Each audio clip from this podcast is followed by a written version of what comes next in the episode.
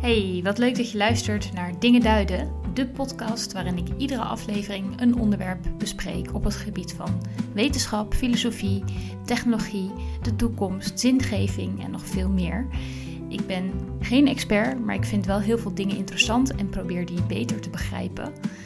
Wil je niks missen van deze podcast? Abonneer je dan op de podcast in iTunes, SoundCloud, Spotify of een andere podcast-app. Ik doe verder niet aan advertenties, dus mocht je mij willen steunen in wat ik doe, dan kun je mij voor een klein bedrag per maand sponsoren via Patreon. Dat zou ik enorm waarderen. Ga daarvoor naar patreon.com slash. De show notes van deze en alle andere afleveringen vind je op suzandelink.nl slash podcast. Daar vind je ook nog een heleboel andere podcasts die je kunt luisteren. Dus uh, genoeg luisterplezier voor de, de komende tijd. En vandaag heb ik weer een gast in mijn podcast. En dat is niemand minder dan Chi El Chiu.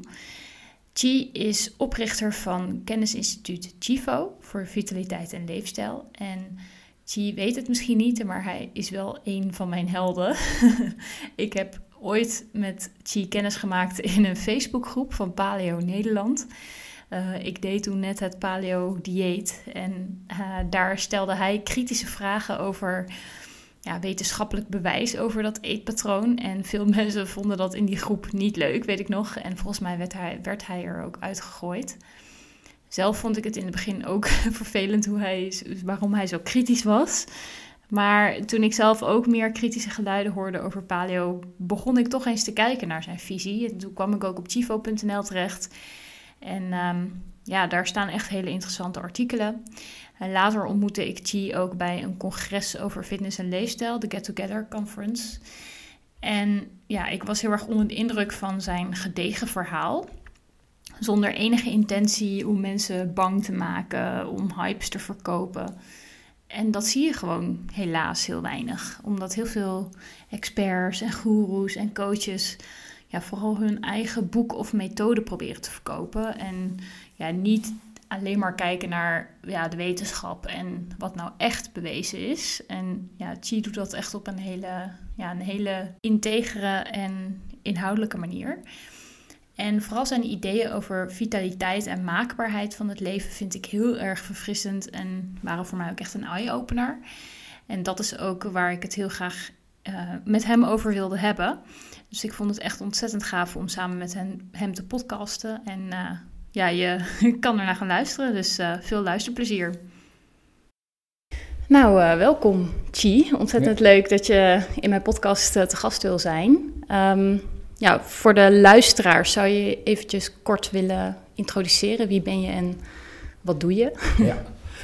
Nou, zeker. Dankjewel voor de uitnodiging. Uh, mijn volledige naam is Chilung Chiu. Uh, en uh, nou ja, voor de meeste mensen vooral bekend als Chi. Ja. en het past een beetje in wat ik doe. Ik ben directeur van Chivo. Um, dat is een kennisinstituut en we houden ons bezig met het onderwerp vitaliteit en het onderwerp leefstijl. En um, in de praktijk betekent dat dat we de wetenschappelijke literatuur uh, kritisch doornemen, beoordelen en dat proberen te vertalen naar de praktijk. En um, dat is waar we de hele dag uh, druk mee bezig zijn. Nou, dat kost heel veel geld. En uh, dat proberen we dan terug te verdienen met bijvoorbeeld opleidingen, met uh, consultancy uh, en ook uh, spreeksessies. En we begeleiden ook gewoon mensen. En dat doen jullie hier, waar we nu zitten in de. Ja, beneden hebben jullie een mooie fitnessruimte, zag ik. Ja, correct. Ja. ja. we bedienen twee markten, de vitaliteitsmarkt en de personal trainermarkt. Hm. En leefstijl is, heeft een tijdje in het midden gezeten. En zijn we langzamerhand aan het verschuiven naar de personal trainer markt. Omdat gebleken is dat het daar het meest effectief is. Uh, leefstijl werkt uitstekend als je in staat bent om mensen langdurig te begeleiden. Uh, en dat is uh, heel vaak in een fitnessachtige omgeving veel, veel natuurlijkere match gebleken. Oké, okay, want ja. wat is dan het verschil tussen vitaliteit en leefstijl? Vitaliteit gaat over leven. Um, want dat betekent natuurlijk hè, levendig. Mm -hmm. Uh, maar leven is niet alleen maar dat iets. Um, is niet alleen maar een substantie. Ik bedoel, het is niet alleen maar eiwit. um, maar het is iets wat groeit en ontwikkelt, maar wel met behoud van functionele integriteit. En dat betekent, die, die combinatie is heel belangrijk, want als je alleen maar groeit zonder functionele integriteit, dan is het, dan is het gewoon kanker. um, dus die combinatie is heel belangrijk en elke stap waarin er gegroeid wordt met functionele integriteit leidt tot betere organisatie en betere integratie van het organisme. En als we het dan hebben over mensen, is dat mhm. we dus um, ja, beter geïntegreerd zijn, emotioneel, fysiek, nou, et cetera. Ja. Um, dat is waar vitaliteit over gaat. En als je dan, dat is hoe, waar het conceptueel over gaat. Ja. En in de praktijk betekent het dat we help, mensen helpen met het verbeteren van de autonomie. Dus meer zelf vrijwillige keuzes kunnen maken. Of in ieder geval dingen um, vrijwillig ook ondergaan. Um, dus dat is één deel. En het andere deel gaat over een zinvol bestaan opbouwen. En autonomie en zinvol bestaan, dat zijn best wel begrippen van deze tijd. Ja.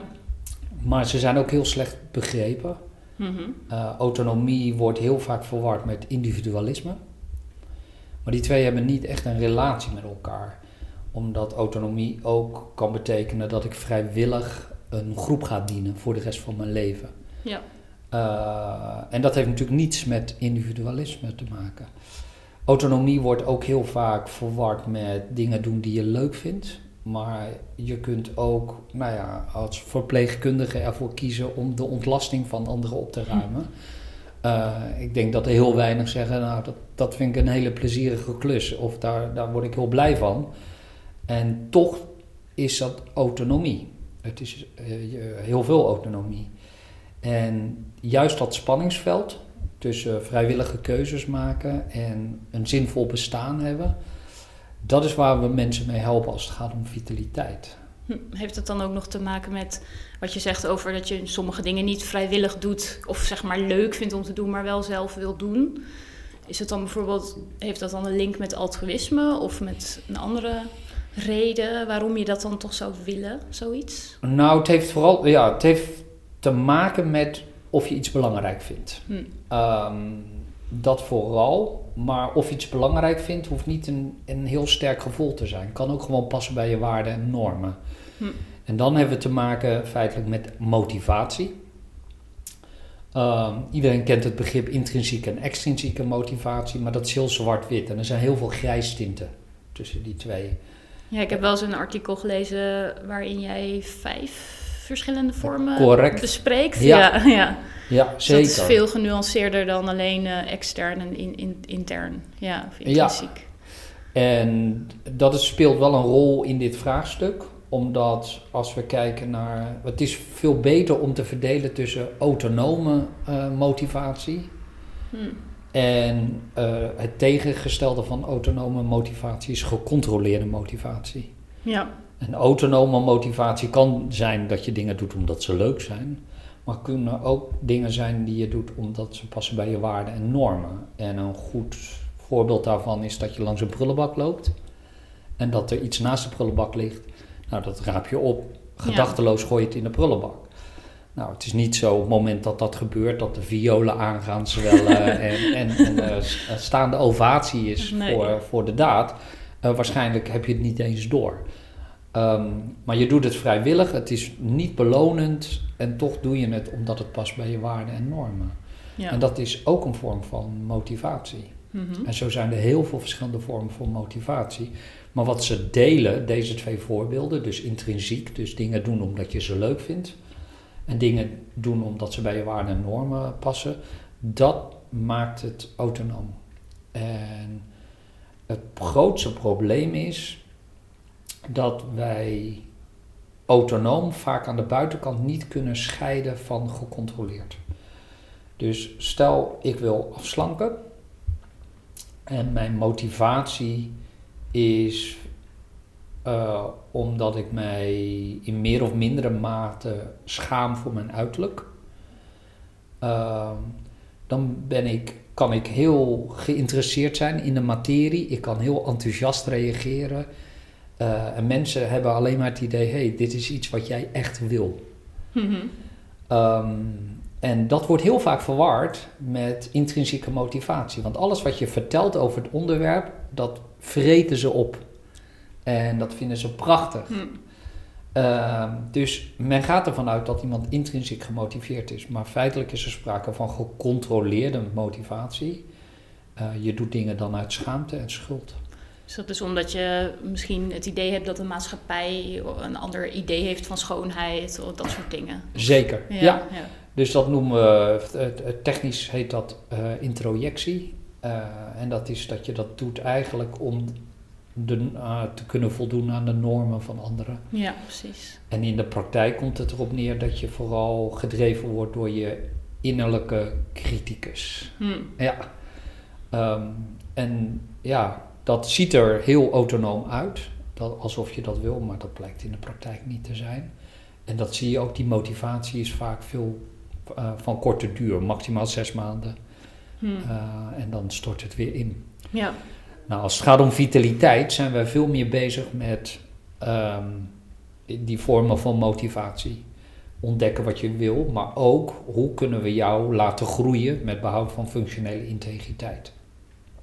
Ja. En dat begint bij een centrale vraag, uh, waar, die we meestal niet al meteen stellen, maar daar is wel waar we naartoe werken en dat is wat maakt voor jou het leven de moeite van het leven waard. Hm. Ja. dus dan kom je uiteindelijk ook wel bij die, dat zinvolle leven, die zingeving. Ja. Is het dan zo dat dat boven de autonomie zit dan eigenlijk nog? Of? Nee, je kunt die twee dingen niet goed loskoppelen van elkaar. Hm. Omdat zingeving, ja, dat is ook weer een heel complex onderwerp. maar zin, kijk, als, als je vanuit de evolutionaire manier kijkt naar het leven, dan heeft het leven geen zin. Alles is toeval. Ja, ja.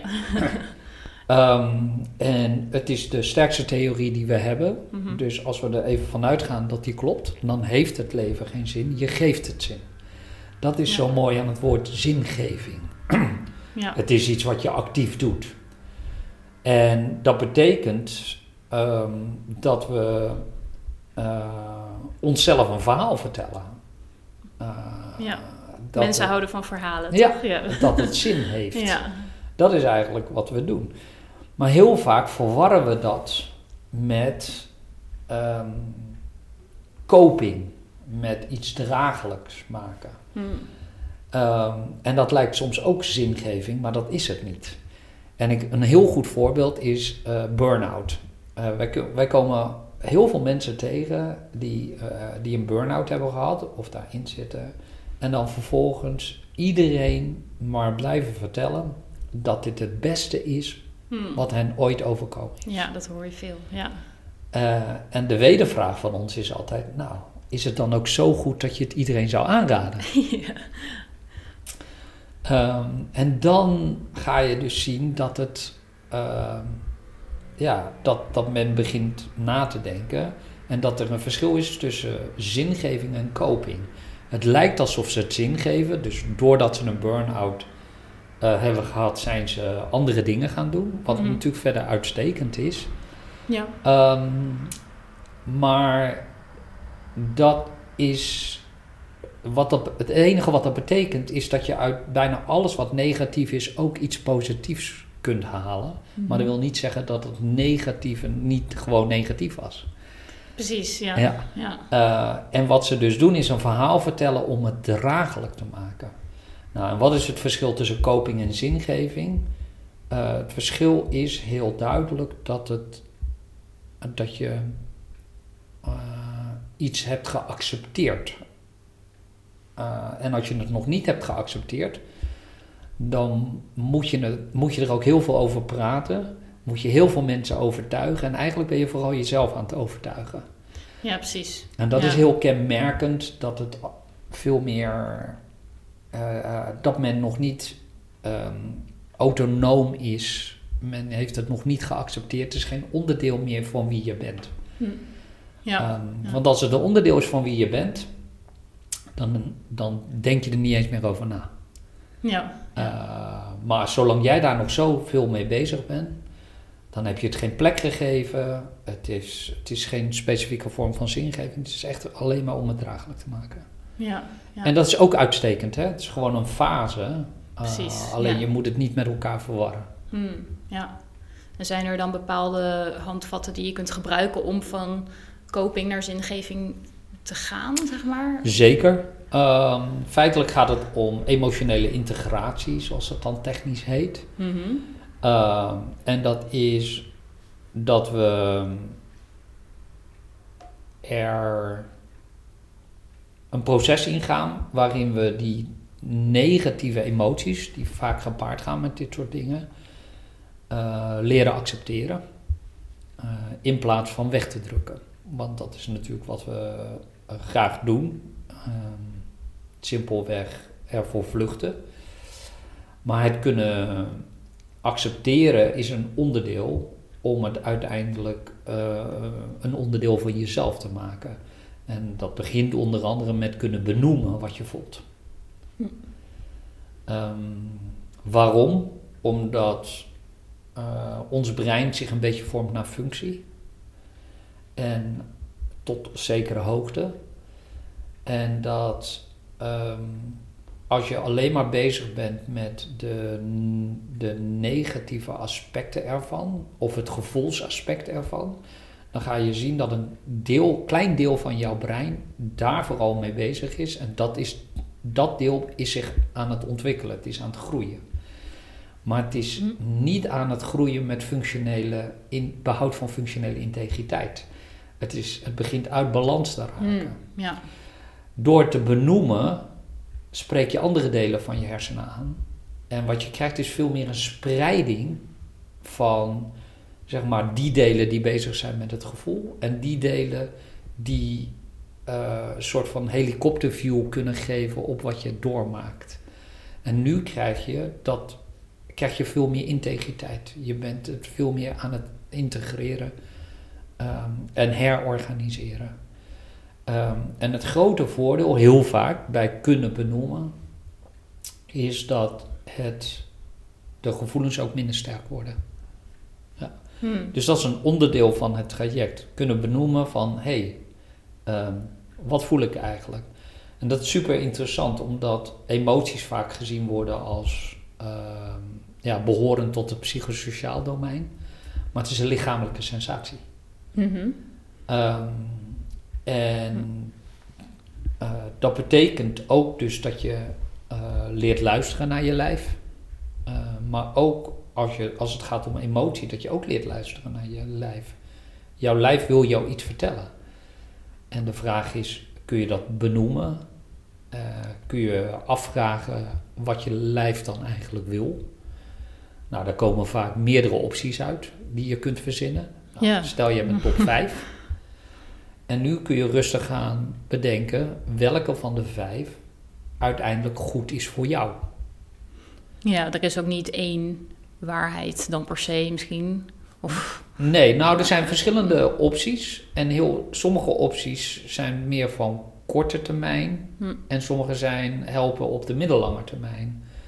En het is vooral die laatste optie die jou verder gaat brengen. Die gaat zorgen voor groei met behoud van functionele integriteit. Ja. Uh, terwijl de, de opties die gaan voor korte termijn dat juist helemaal niet hebben. Die leiden tot vluchtgedrag of die leiden tot ja, groei zonder, zonder, zonder ja, uh, herorganisatie. Ja. Ja, ja, precies. En daar leiden jullie dus de, de professionals in op, in deze technieken om mensen daarin te begeleiden. Zeker. Zijn er bepaalde dingen die jullie veel uh, tegenkomen? Dus wat betreft burn-out of andere klachten die mensen hebben? Of is dat heel divers? Nou, het hangt er een beetje van af. Kijk, we hebben ehm, in de vitaliteit hebben we twee uh, vakken. We hebben een basis. basisvitaliteit, het vitaliteitsfundament. En vervolgens kun je kiezen voor de klinische kant of je kunt kiezen voor de coachkant. Nou, de klinische kant uh, gaat over ziekte en, uh, en daar hoort burn-out ook bij. Mm En je hebt de coachkant en dat gaat veel meer over levensvragen. Ja. En dat is een best een interessante discussie, want we zitten in een generatie die, het, uh, die heel veel levensvragen hebben. En dat komt omdat we geen regels meer hebben. We hebben niet echt duidelijke regels meer. En daardoor kun je in de knoop raken. En we zitten met een generatie die vrij gemakkelijk uh, bijvoorbeeld naar een psycholoog stapt. Uh, en daar ook open over is. En dat is een heel mooi fenomeen in de zin dat mensen bereid zijn om die stap te zetten. Um, de vraag is of de psycholoog geëquipeerd is voor dit soort vraagstukken.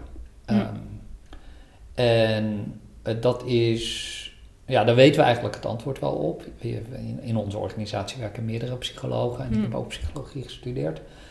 Um, het antwoord is heel hard nee. Hm. We zijn niet geëquipeerd voor dit soort vraagstukken. De vraag dan is, waar kunnen ze wel terecht? En wij hopen dat de vitaliteitscoach daar een, uh, een duidelijke rol in kan spelen. Om te ontdekken wat het leven, de moeite van het leven waard is. Maar er zijn zo ontzettend veel vraagstukken die, die nu ontstaan door deze tijd. Ja, en je ziet ook echt een wildgroei aan coaches. Zeker. Aan life coaches, aan business coaches, maar ook wel aan mensen die dan wel het woord vitaliteit gebruiken, maar volgens mij wel in een andere zin dan. Ja, vanuit een gezondheidsperspectief. Ja. ja. Dus dat is meer de uh, vitaliteit als in veel energie hebben, of, of meer in die zin uh, vitaliteit benaderen. Of... Ja, nou, als je echt vraagt wat het is aan hen, dan kunnen ze daar meestal geen mm. antwoord op geven. Uh, dat is natuurlijk ook heel kenmerkend. Het, het, enige wat ze weten is dat het meer is dan alleen gezondheid. Ja. ja. Dat is eigenlijk uh, het verhaal. En ik snap het wel, omdat, omdat het ligt. Er, er zit een relatie. Um, er, er, is wel een relatie, maar die rela relatie is niet onlosmakelijk met elkaar verbonden. En dat hebben wij vooral geleerd toen wij in de klinische kant zaten. Omdat wij natuurlijk ook werkten met mensen die terminaal ziek zijn. Ja. En uh, we ontdekten dat sommige van die mensen nog echt iets uit het leven willen. Uh, gemotiveerd zijn, uh, plannen maken, anderen helpen. Ja. en die mensen waren heel vitaal. Zo, dat is hoe wij dat ervaarden. Terwijl wij ook twintigers en dertigers kenden die gewoon, ja, vol, volstrekt gezond waren, maar eigenlijk dood maar nog niet begraven. Ja, ja. Um, dus ja. Um, vandaar dat wij op een gegeven moment gezegd hebben, maar wij gaan vitaliteit compleet loskoppelen van gezondheid. Ja. Um, vitaliteit betekent leven, dat betekent dat je wil groeien, betekent dat je doel, eh, doelen hebt nog in dit leven en dat je daartoe gemotiveerd bent. En wij kijken wat zijn je doelen en wat is de motivatie.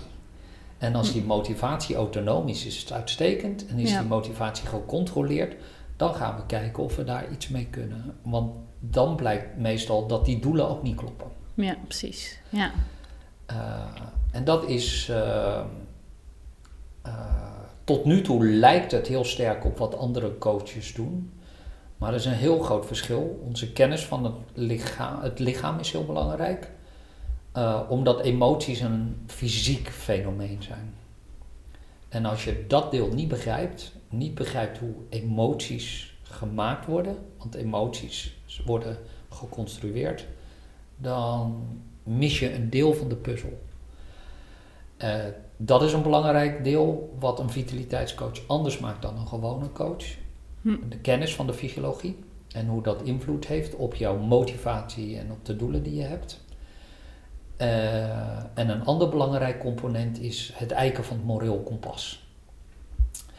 Uh, van de coach van, of van de coachie? De, van de coachie. Uh, dus je kunt wel dingen willen in het leven, ehm, maar wij zullen het altijd langs een lat leggen van een moreel kompas. Waarom? Omdat gebleken is dat als je niets leeft naar moreel kompas, dan kan dat zeker jou heel succesvol maken. Mhm. Uh, maar op de lange tijd verstoort dat de functionele integriteit. Bij iedereen, denk je? Dat, want lijkt me dat niet iedereen, ja, de meeste mensen wel, maar een heel sterk moreel kompas hebben. Nou, de meesten hebben geen sterk moreel kompas. Nee? Uh, nee. Omdat, uh, dat wil niet zeggen dat we niet meestal de goede keuzes maken. Maar we hebben een, uh, vroeger gingen we, als we keken naar persoonlijkheid, um, is de gouden standaard op dit moment nog steeds de Big Five. Dus dat zijn vijf persoonlijkheidstrekken. Van openstaan, conscientie, uh, extraversie, altruïsme en neurotisme. Maar inmiddels zijn we naar een nieuw model toe en dat zijn er zes. En uh, dat heeft ook een nieuwe afkorting, Hexaco. en de eerste, de H is belangrijk, humility dat is eigenlijk een integriteitstrek. Mm. Uh, en sommige mensen scoren meer op integriteit en andere mensen scoren meer op, op extraversie. Um, en als jij toevallig meer scoort op integriteit, dan wordt het hebben van een moreel kompas en, en het houden aan een moreel kompas wordt veel makkelijker. Mm. Um, en andere mensen zullen dat niet hebben. En dit is experimenteel getest. Mensen die daar laag op scoren, als zij de kans krijgen om vals te spelen, dan zullen ze dat niet nalaten als de Mm. kans heel klein is dat ze gepakt worden. Ja, precies. Ja? En dat hele morele kompas is heel interessant, want dat is al duizenden jaren wordt dat besproken. Socrates heeft, heeft daar ook het een en ander over gezegd van wat blijft er over van ons moreel op het moment dat we onzichtbaar kunnen zijn. Ja. Ja. Uh, Ja, sowieso, sowieso de hele vraag van wat is goed en, en fout natuurlijk. Of ja, er zijn denk ik wel bepaalde antwoorden op te geven, maar Ja. dat, dat is natuurlijk ook heel genuanceerd. Zeker, uh, maar het is binnen onze opleiding wel een heel belangrijk thema. En, uh, Hm. en inmiddels hebben we daar wetenschappelijk gezien veel meer antwoorden op gekregen. Vroeger was het vooral een filosofisch uh, Ja. terrein. Maar de wetenschap lijkt daar ook uh, interessante antwoorden te kunnen geven. Um, en ja, in het kort komt het er gewoon op neer dat wij allemaal basisbehoeften hebben. En zodra je iemands basisbehoeften inperkt, dan is dat slecht. Hm. Uh, Zwart-wit gesteld. Um, en als je iemand helpt om zijn basisbehoeften te bevredigen, dan is het goed. Nou, um, maar dat is. Uh, ja, dus dat, dat in de basis is dat, is dat de regel. En daar komen natuurlijk allerlei nuances bij. Namelijk als ik heb over het helpen uh, met bevredigen van de basisbehoeften. Als dat weer ten koste gaat van je eigen basisbehoeften. Mm. Dan is dat weer een probleem. Dus nu moet er een compromis gesloten worden op het moment dat er meerdere partijen bij Ja, dus het trolleyprobleem of uh, dat soort dingen. Ja, ja. ja. Maar zo zijn er een aantal uh, best wel universele regels te definiëren. Ja. Uh, en die hebben wetenschappelijk ook best wel, um, ja. Een basis of. Ja, heel, ja, heel duidelijk Hmm. een, een basis inmiddels als het gaat over het welbevinden van mensen. Ja, ja. Maar motivatie wel. Ja. Toch heeft blijkbaar niet iedereen dat, dat morele kompas in zich. Uh, het, nee. nee. het is er wel, maar. Nee, dat hoort bij evolutie. Evolutie ja. En, uh, ja, bestaat natuurlijk uit twee belangrijke componenten. Een daarvan is gewoon variatie. Mm -hmm. uh, binnen ev evolutie heeft natuurlijk geen richting. Uh, nee, het is natuurlijk wel dat bepaalde dingen uh, beter werken. Of tenminste... Uh, in, de, ja. in, een bepaalde, in een bepaald tijdsbestek. Ja, ja, ja, precies. Zeker. Ja, ja. ja. want dat is natuurlijk waar evolutie over gaat. Het gaat niet of de, de, ja, de, de sterkste of de slimste... of degene met het beste moreel kompas overleeft. Maar degene die het beste past in de omgeving waarin hij leeft. Ja, precies. Ja. en daardoor ontstaan natuurlijk wel bepaalde uh, strategieën die dan het beste werken. Maar dat ja. kan dan, dan, natuurlijk wel weer veranderen. Door Als de, de omgeving ja. verandert, selectiedruk, ja. uh, dan, uh, dan zou die hele goede eigenschap wel eens Zo weer, jouw grootste probleem kunnen worden. Ja, precies. Ja, ja, interessant. Ja, en wat, wat ik me nog afvroeg wat betreft vitaliteit. Ehm, ja, er zijn best wel veel uh, hypes natuurlijk op dat gebied. Uh, is er iets wat jou op dit moment het meest irriteert daar, uh, daaraan? Van dat je denkt van dat zie ik heel veel voorbij komen op, op Facebook? Of is het de, de mensen die. Ja, de meeste mensen hebben denk ik wel goede bedoelingen met hun, hun bedrijf of hun coaching en dat soort dingen. Maar is er iets waarvan je denkt, nou, als ik dat, als mensen dat zouden weten? Of... Nou, de oppervlakkigheid ervan. Het gebrek aan kennis, aan motivatie. Dus hmm. ehm, kijk, coachen is, is een vak. En een, een, een vak vereist zowel theorie als praktijk. Mhm. En wat je merkt is dat veel coaches ehm, heel slecht onderlicht zijn in hun theorie. En dan zeg je ja, maakt dat uit, want dan zijn ze in de praktijk, kunnen ze natuurlijk nog uitstekende coaches zijn. Maar theorie is belangrijk, omdat een theorie helpt voorspellen. Je komt namelijk, als je met mensen werkt, maar in het leven algemeen, heb je te maken met situaties die je nog nooit hebt meegemaakt. Ehm, en als je een goede theorie hebt, dan kun je voorspellen welke aanpak de meeste kans maakt. Hm. En uh, dus het hebben van een goede theorie is heel praktisch. Dat is de reden waarom dat we, weet ik veel, een of ander uh, zonde uh, op een, weet ik veel, op een, op een euromunt kunnen laten landen op Mars. terwijl we daar nog nooit geweest zijn. Ja. Dat komt omdat we een goede theorie hebben, ja. kunnen voorspellen en dan krijgen we dat kreng gewoon geland. Ja. ja? ja, ja. Uh, op de juiste planeet. En uh, dus het hebben van een goede theorie zorgt ervoor dat je veel flexibeler bent in, de, in al die situaties. Mm. En wat je mist is, is die theorie. Uh, en wat mensen vooral doen is dan op hun intuïtie afgaan. Um, en dat lijkt goed te werken, maar intuïtie is, um, is een voorspelling zonder correctie, hm. technisch gezien. Uh, dus jouw lijf doet niks anders dan de hele dag voorspellingen maken.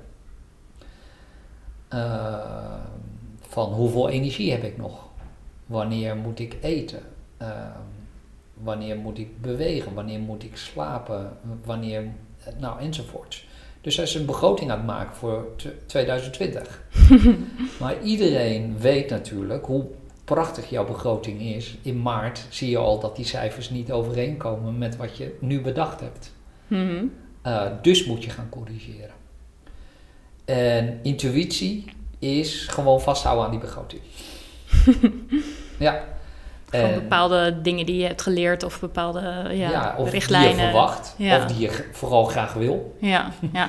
uh, en um, dus wat je ziet is dat mensen heel duidelijk bezig zijn met, uh, met uh, intuïtief dan met hun coaches omgaan. Ja, ik heb, ben nu dat boek van Kahneman aan het lezen, Thinking Fast and Slow. En daarin zegt hij ook dat intuïtie eigenlijk vooral heel goed werkt bij uh, voorspelbare situaties. Dus een brandweerman die een uh, brandend huis inkomt, die heeft zoveel brandende huizen gezien, die weet in principe als dat gebeurt, dan gebeurt er dat. Dan werkt je intuïtie goed. Ja. Maar in onvoorspelbare situaties kan je intuïtie eigenlijk niet uh, nee. genoeg, genoeg doen. Ja. Nee, intuïtie en gewoontes hebben een hele sterke relatie met elkaar. En hmm. je kunt goede gewoontes hebben en slechte gewoontes. Ja, en toch blijven die, die slechte gewoontes houden, zeg maar. Of dat ja, zeker. Dus als, maar als, als het goede gewoontes zijn en je doet ze zonder bij stil te staan, uh, en, dan, dan is de uitkomst nog steeds goed. Maar als het overwegend slechte gewoontes zijn, dan heb je een probleem. Ja. uh, dus intuïtie op zich is niet goed of slecht, maar het mm. gegeven dat je ze gedachteloos inzet uh, zonder correctie is natuurlijk wel een probleem. Ja, precies. ja. ja. Hm, en ja, wat ik me dan nog afvroeg wat betreft uh, vitaliteit ten opzichte van maakbaarheid, want daar heb jij het ook wel uh, over. Ja. Dat, ja, in hoeverre is ons, ons leven, dus onze gezondheid, ons, ons geluk maakbaar? Hoeveel invloed heb je daar ja. op? Want je, je, je situatie is natuurlijk heel erg afhankelijk van waar je geboren bent, je opvoeding, je omgeving, toeval, pech. Zeker. Er zijn zoveel factoren, maar heb je daar dan, ja, je kunt daar dan, dan ook door gaan denken van, nou, wat voor zin heeft het allemaal weer? Omdat het allemaal niet maakbaar is. Maar wat is jouw visie daarop? Nou, er is. Het antwoord weten we daar niet heel duidelijk op. We weten mhm. alleen dat we ehm, onze eigen invloed sterk overschatten. Hm. Er is namelijk zoveel afhankelijk van toeval ehm, dat het heel lastig is om te bepalen wat nou ons aandeel hiervan is. Ja. En we overschatten het heel sterk. Dus als je een schaal hebt met twee uiteinden, uh, de ene kant is zero, de andere kant is hero. En je, uh, je zou van in vijf stappen van zero naar hero kunnen gaan. Dan lopen we allemaal met het idee dat als we maar hard genoeg werken, dat we van zero naar hero kunnen gaan. Mm um, dat is zeker niet het geval. Uh, maar uh, de, het is, de kans is veel groter dat je maar één stapje opschuift op die schaal. En de kans dat je één stapje opschuift, overschatten we ook al met 500 Oké.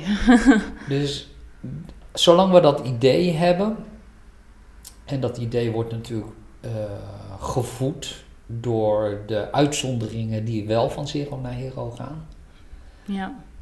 Um, Wat vaak ook achteraf zo wordt verteld dan natuurlijk. Hè? Dat door deze dingen te doen ben ik daar gekomen. Maar dat is vaak ook... Achteraf? Ja, achteraf, ja. Ja, er zijn heel veel experimenten naar gedaan. Een ervan is, uh, zijn muziekexperimenten.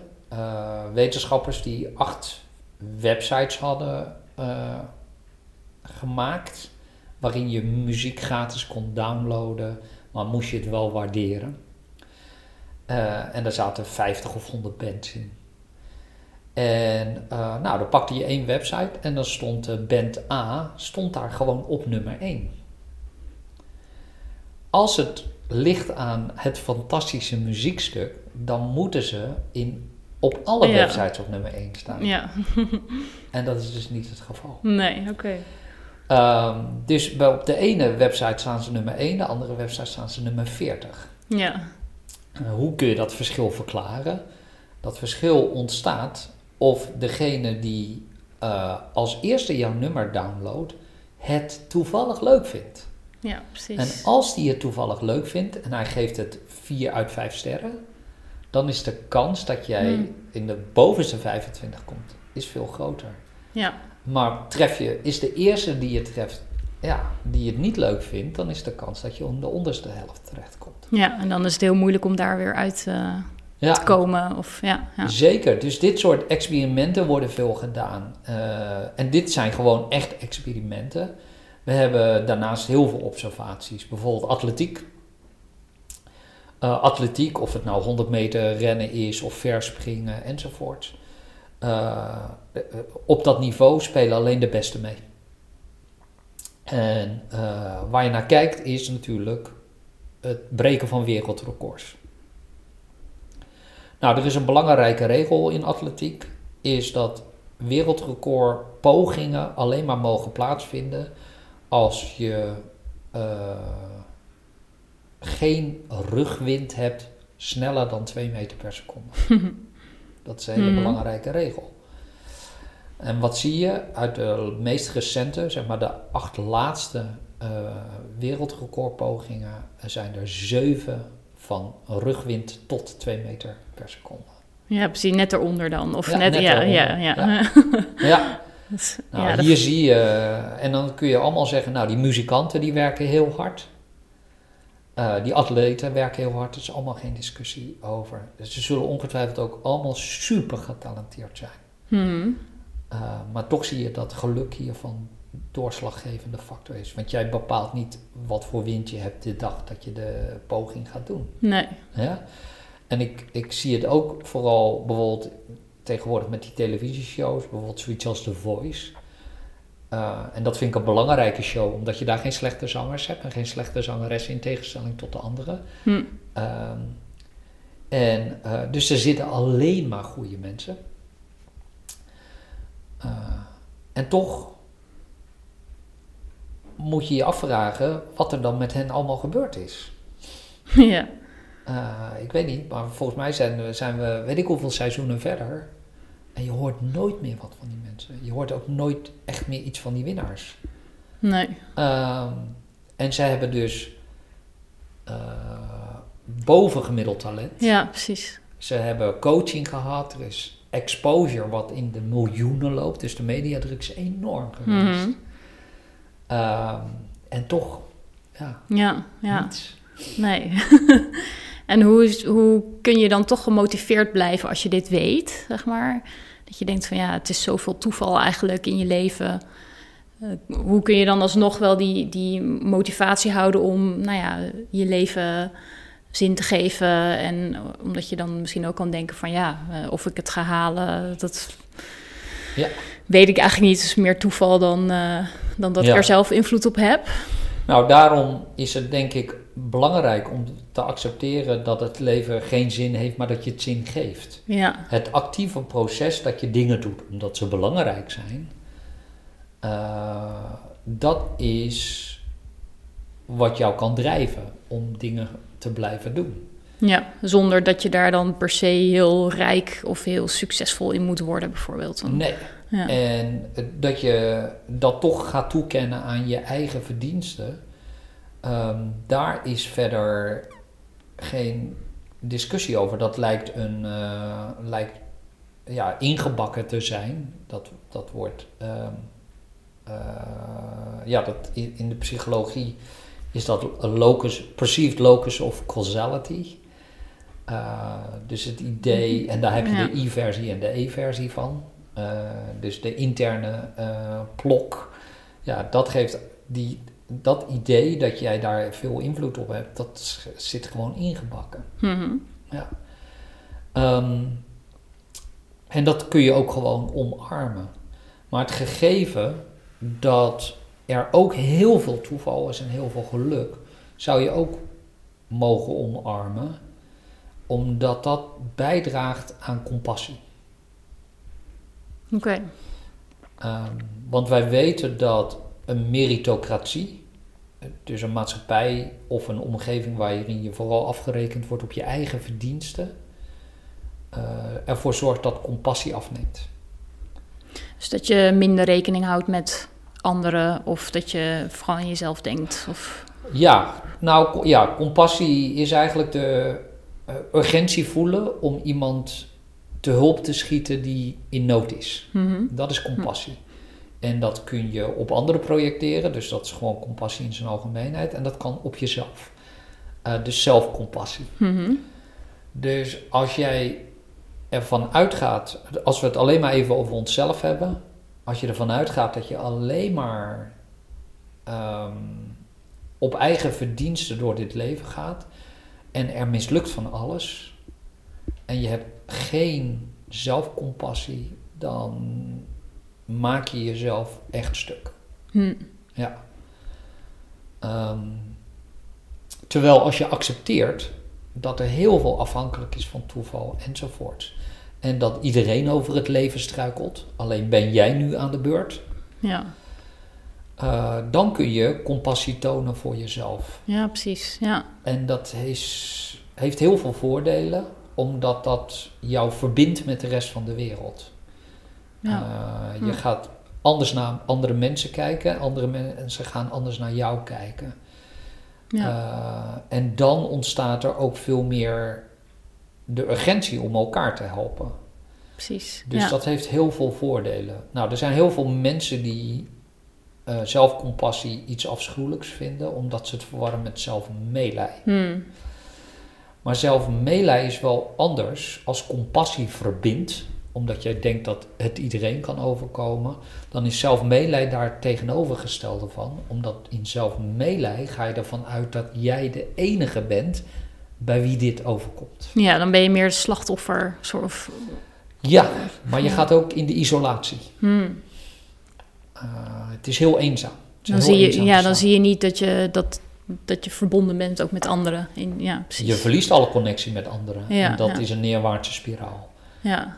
Uh, omdat uh, je andere mensen dan ook gaat misgunnen.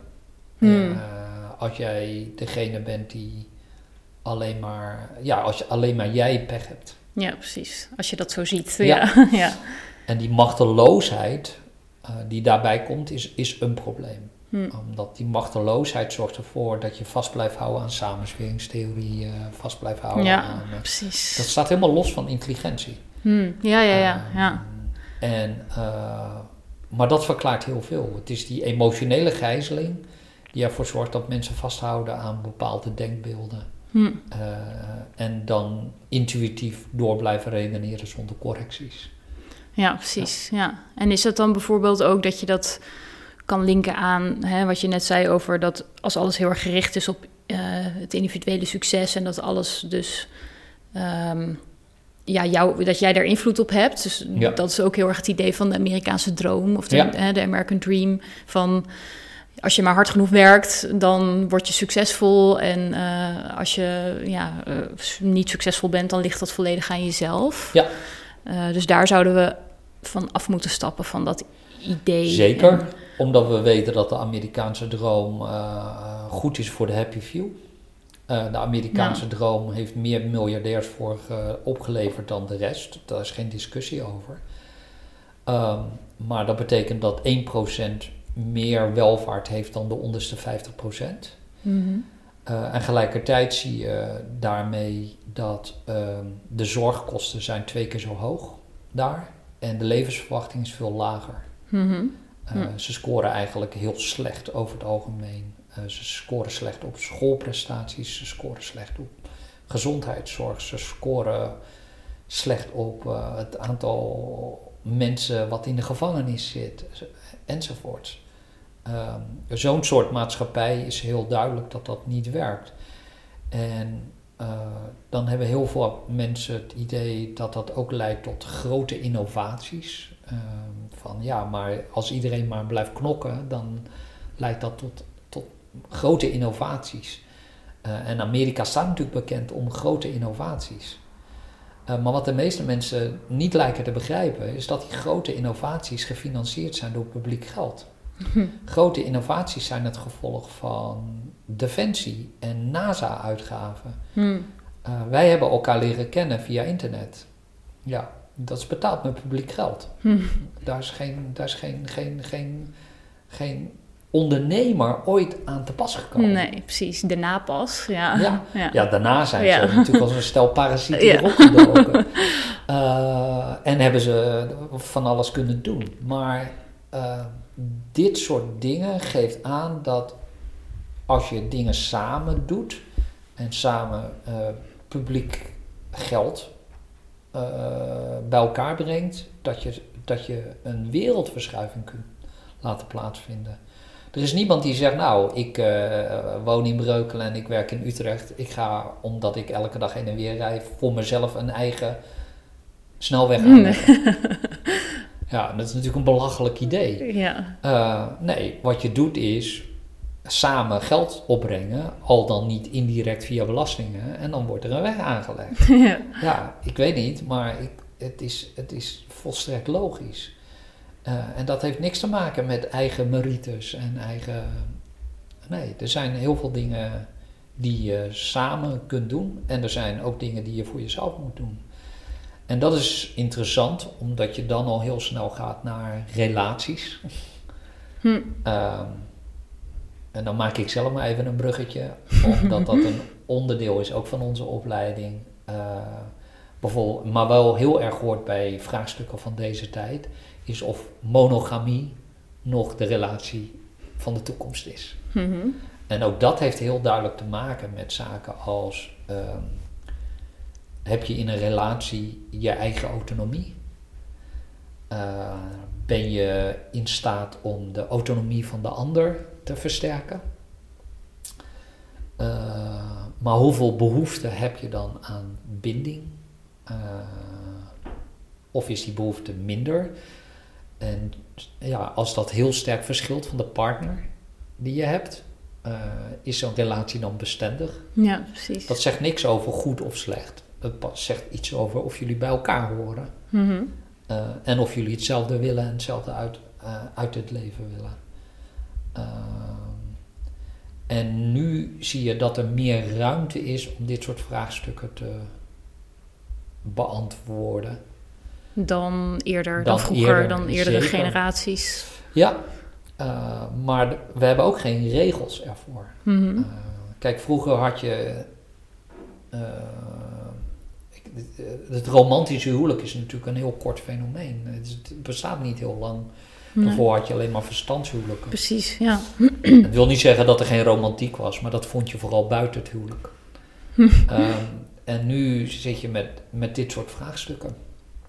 Uh, en, en, de helft van de millennials zegt ja, en, en ik zie het niet zitten om de rest van mijn leven ergens aan verbonden te zijn. Mm -hmm. um, en, en we weten niet wat dat betekent. We hebben geen idee wat dat betekent. Nee, nee. Ja? en dan heb je types zoals Baudet, die dan een uh, stuk schrijft over dat we het dus door, ver doorgeslagen zijn in individualisme. Dus dat we weer terug moeten naar de traditionele uh, waarden en normen en tijd. Dus dat we weer een juist de traditie, terug naar de traditie moeten. Maar ja. ik denk juist dat er gewoon weer een nieuwe vorm... of hè, terug naar het verleden, dat, dat is ook geen optie. Nee. Het internet kun je niet meer terugstoppen in een doosje of zo. Nee. dus dat, dat, dan denk ik dus ook van, ja, wat, wat is daar dan realistisch aan? Ik denk dat we juist ja, eerder moeten gaan kijken wat uh, juist de nieuwe regels gaan worden dan. Ja. Of, of, wat dan nieuwe normen en waarden weer gaan worden in de toekomst. Ja. In plaats van die angst voor hè, uh, vrijheid. Of, uh, ja, ja, zeker. Dat, en hij koppelt het aan individualisme. Ja. En wij, terwijl ik net zo goed kan zeggen, nou, ik, ik blijf bij iemand vrijwillig mm -hmm. voor de rest van mijn leven. Ja, dat is heel anders. Uh, ja. ja, en wat je hier ziet is het, weer het verschil tussen autonomie en individualisme. Ja, precies. En ik kan ook zeggen, ja, maar mijn partner is ziek geworden en het gaat slecht. En ik ben eigenlijk alleen maar bezig met verzorgen. Dan kun je nog steeds zeggen, ik, ik, ik kies ervoor om de relatie te beëindigen. Maar ik kan ook zeggen, ik blijf bij die persoon. Allebei is mogelijk. Mm -hmm.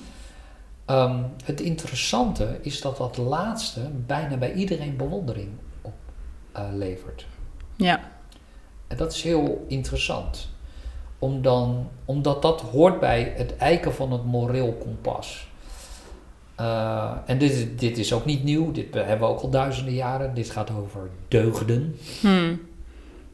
En deugden zijn feitelijk eigenschappen die eerder leiden tot inspiratie en bewondering dan dat ze leiden tot afgunst. Hm. Um, en zij geven ons richting aan, uh, aan ons kompas eigenlijk. Eigenlijk uh, vormen ze ons kompas. De deugden. De, de... deugden, ja. Hm. ja. En ze zijn er in alle culturen hoor. Uh, in de oude Grieken hadden de vier en in, die hebben ze in het christendom overgenomen en hebben ze nog drie aangeplakt, vooral de katholieken. Uh, maar het hele idee, uh, of welke religie je ook pakt, of historisch werk, deugden kom je overal tegen. En dat past heel sterk binnen het eiken van het moreel kompas, maar het geeft je ook een richting van hoe kan ik dingen doen die mijn leven uh, op lange termijn uh, echt waarde gaan geven. Hmm. Dat is heel, ja, en dat kan zowel privé als zakelijk. Ik heb zakelijk heel vaak met ondernemers en dan vraag ik, nou oké, okay, we hebben klanten, we hebben leveranciers, we hebben werknemers, we hebben, nou, noem een paar van die partijen. Welke van deze drie die ik net genoemd heb, staat op nummer 1? en als je daar lang over na moet denken, dan is jouw moreel kompas nog niet geëikt. Uh, of je hebt er in ieder geval weinig gebruik van gemaakt. Ja. Uh, en dat kun je wel trainen. Dat kun je heel goed uh, trainen. en natuurlijk zul je alle, met alle drie rekening moeten houden. Maar er, er is iets, er zit een hiërarchie in. Ja, ja. Ja. dus, dat is, dus je kunt zo'n moreel kompas in je bedrijf gebruiken. Je kunt het privé gebruiken. tussen die dingen die echt belangrijk zijn en dingen die je leuk vindt om te doen. En die twee gaan niet altijd samen. Nee, precies. En toch zijn ze alle twee belangrijk. Mm Ja. Ja, ja als, als afsluiting vroeg ik me dan nog wel heel erg af... Uh, ja, welke vaardigheden dan... Hè, want ik ben natuurlijk zelf geen uh, vitaliteitscoach of professional daarin. Nee. Maar voor iedereen die ook naar mijn podcast luistert... hoe kun je dit uh, in je eigen leven meer toepassen. Dus bepaalde vaardigheden die je daarvoor kunt um, ja, trainen. Of, of zijn bepaalde uh, ja, dingen die, waardoor je kritisch kan blijven denken. Of bepaalde boeken die je kan lezen. Of welke dingen kun jij aanraden om hiermee aan de slag te gaan eigenlijk? Ik lees heel weinig boeken. Oké. Ik lees vooral veel uh, wetenschappelijke literatuur. Ja, ja. Um, maar er zijn denk ik wel een aantal zaken die belangrijk zijn. Allereerst is kritisch zijn naar jezelf en naar anderen. En dat betekent dat je jezelf een vraag stelt, waar blijkt dat uit? Hmm. Um, als je iets leest bijvoorbeeld. Als je iets leest, maar ook over jezelf. Um, stel, jij denkt dat je ergens goed in bent. Hmm. Uh, waar blijkt dat uit? Krijg je daar ooit complimenten voor? Um, en als dat laatste niet het geval is, dan is dat een signaal. Hmm. Uh, en dat klinkt een beetje raar, maar, uh, maar met, juist met mensen die die verbindenis niet hebben tussen die twee, die eindigen in die talentjachtenshows op televisie hmm. als vermaak. Ja, ja. Um, of als leedvermaak. Ja. Eh, dus dat is denk ik wel een belangrijk element, is dat je vaker afvraagt van waar blijkt dat mm, uit. Ja. Dus dat is één. De tweede, heel belangrijk, is dosis. Um, uh, want iets kan wel waar zijn, maar dat wil niet zeggen dat het relevant is. Dus daar, wat daarbij hoort is de hoeveelvraag. Uh, dus als iemand zegt, nou, dit is uh, meer waard dan dat, ja, hoeveel dan? En als je dat niet kan beantwoorden, uh, dan zou het verschil wel eens veel te klein kunnen zijn. Hm. En dan is het niet de moeite waard om daar heel veel aandacht aan te besteden. Um, en zo kun je naar het leven. Dus meer prioriteiten dan. Dan krijg je wel. Nou, het gevolg is dat je makkelijke prioriteiten kunt stellen. Ja. Uh, maar we zien het bijvoorbeeld met ja, zaken als voeding. Uh, uh, zien we het heel vaak dat iemand zegt: ja, maar dit zorgt ervoor dat je, weet ik veel, meer vitamines opneemt. Ja, hoeveel dan? Ja, 0,0003 procent. Ja, dus is niet de moeite waard. Nee. Maar die twee zijn denk ik heel, heel belangrijk. Hm. Um,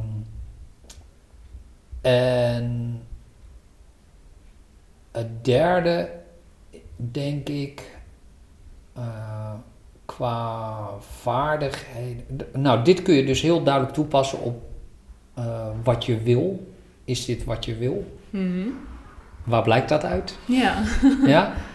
En hoeveel gaat dat uiteindelijk uh, opleveren? Ja. ik denk dat dat dat is niet alleen maar, dat, zijn, is niet alleen advies, maar dit is een vaardigheid die je moet trainen. Ja. Om sneller op die manier naar zaken te kijken. En dan kun je veel makkelijker keuzes maken die bij jou passen. Ja. Uh, en als iets slecht voelt, dan neem je even afstand en dan zeg je, nou oké, okay, dit voelt slecht, dus zou het, dan is het slecht voor mij. Maar waar blijkt dat uit? Ja, dus dan zit je ook weer minder op die intuïtie. Of die, ja. die neem je natuurlijk wel mee, maar Zeker.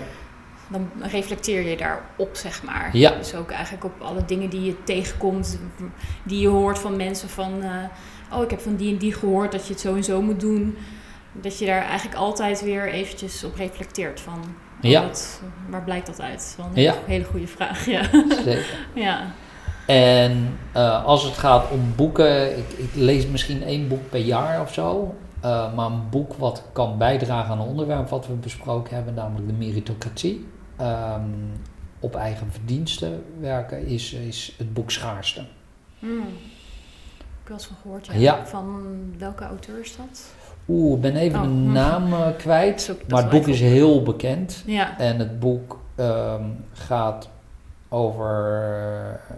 Het, het geeft veel meer aan ehm, waarom mensen. eh, ja, het, de ondertitel is volgens mij waarom arme mensen domme dingen blijven doen. Hmm. Uh, en dat geeft dus heel sterk aan uh, wat voor situaties je zit en waarom dat je dit soort keuzes maakt. En daarmee past het uiteindelijk, dat sluit uiteindelijk heel sterk aan bij het idee van vitaliteit. Vitaliteit gaat over leven. Maar wat je ziet is dat de meeste mensen vooral bezig zijn met overleven. Overleven, ja.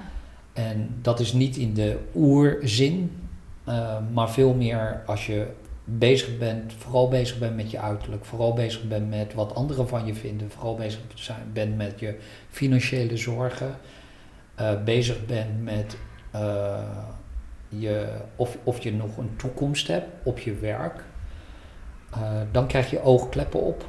En op het moment dat je oogkleppen op hebt, ben je echt veel meer aan het overleven. Hmm. en ben je veel minder bezig met voor jezelf zorgen. En dat maakt vitaliteit zoveel anders dan leefstijl. Omdat als je aan het overleven bent, dan heb je geen leven. En als je geen leven hebt of geen reden hebt om te leven, dan is gezondheid gewoon helemaal niks waard. Nee, precies. Kun je wel heel gezond zijn, maar daar heb je Nee. er niks aan. Ja. Dus als jij zegt, op, als ik dit pad blijf volgen, dan heb ik over tien jaar diabetes. Dan is dat compleet irrelevant, ja. omdat ik namelijk alleen maar de dag door wil komen. ja, Als ik het einde van de dag heb gehaald, dan was het al goed. Ja, ja. En al dat andere is niks waard. Dus ook mensen die bezig zijn met overleven, heeft het ook geen zin om adviezen op het gebied van gezondheid te geven, bijvoorbeeld. Of Heel weinig. heel ja. weinig. Ja. Omdat, kijk, waar gaat leefstijl uiteindelijk over? Ja, dat gaat over, over doen wat je moeder je altijd al vertelde.